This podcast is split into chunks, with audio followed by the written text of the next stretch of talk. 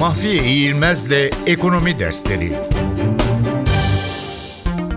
Yabancılaşma kuramı Marx'ın kapitalizm analizinde iki türlü yabancılaşmadan söz ettiği görülür. Bunlardan ilki doğadan kopuş anlamındaki yabancılaşmadır. İnsan doğadan koparak kültürel, toplumsal alanda kendine ikinci bir doğa kurmak anlamında doğaya yabancılaşır. İkinci yabancılaşma ise bizzat kapitalist pazarın ve kapitalist toplumsal sistemin yarattığı yabancılaşmadır. Bunun sonucu olarak insan kendi doğasına yabancılaşır.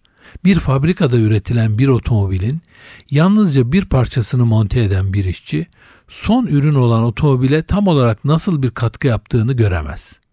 Yani üretimdeki katkısını anlayamaz. Böylece insan kendine, kendi emeğine, ilişkilerine, dünyaya ve yaşama yabancılaşır. Kapitalist pazarın bir unsuru olarak işleyen çarklardan biri haline gelir.